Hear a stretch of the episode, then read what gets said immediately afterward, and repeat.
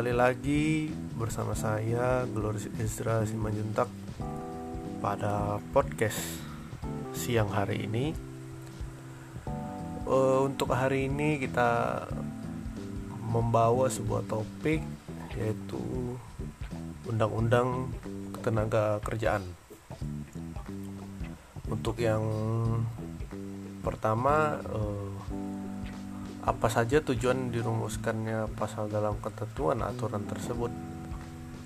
Di sini saya uh, akan memberitahu tujuan dari pasal yang dibuat oleh Undang-Undang Ketenaga Kerjaan yaitu saya mendapatkan sebuah kesimpulan yaitu pasal-pasal ini bertujuan untuk uh, mensejahterakan pekerja kemudian eh, membatasi kekuasaan perusahaan dan membagi dan memberi jaminan hak asasi manusia bagi pekerja.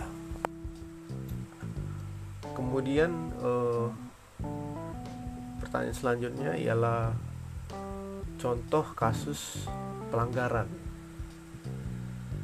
Eh, di sini saya belum ada pengalaman bekerja ya. Tapi untuk contoh kasus pelanggaran yang sering saya temui dan membaca berita serta teman-teman yang bercerita saya uh, yang paling sering itu ialah hak dalam waktu kerja. Di sini waktu kerja yang uh, tertera di UU pasal 77 tenaga kerjaan bahwa uh, dalam untuk pekerja yang lima hari satu satu lima plus satu dalam satu minggu itu mereka mendapatkan jatah kerja yaitu 8 jam per hari atau uh, dalam per minggu itu 40 jam. Namun uh, uh, kawan-kawan saya ini yang yang saya lihat di berita ini mereka uh, sering kali mendapatkan uh, lembur yang tiba-tiba penambahan jam kerja yang tiba-tiba seperti lembur kerja ya. Itu pun uh, mereka tidak dibayar. Dan ini sebenarnya melanggar suatu pasal ini.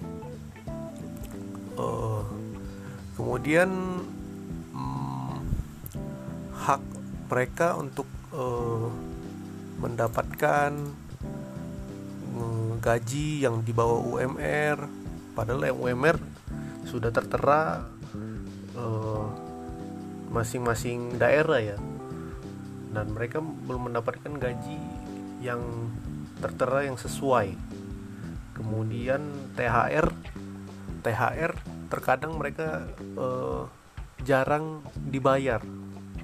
Melainkan dibayar melalui barang atau makanan.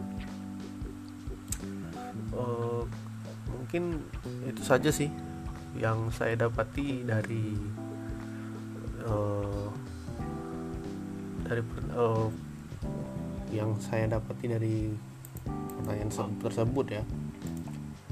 Uh, mungkin itu saja untuk eh, pembahasan kita yang sangat singkat ini. Selebihnya mohon maaf jika ada kata-kata. Terima kasih dan selamat siang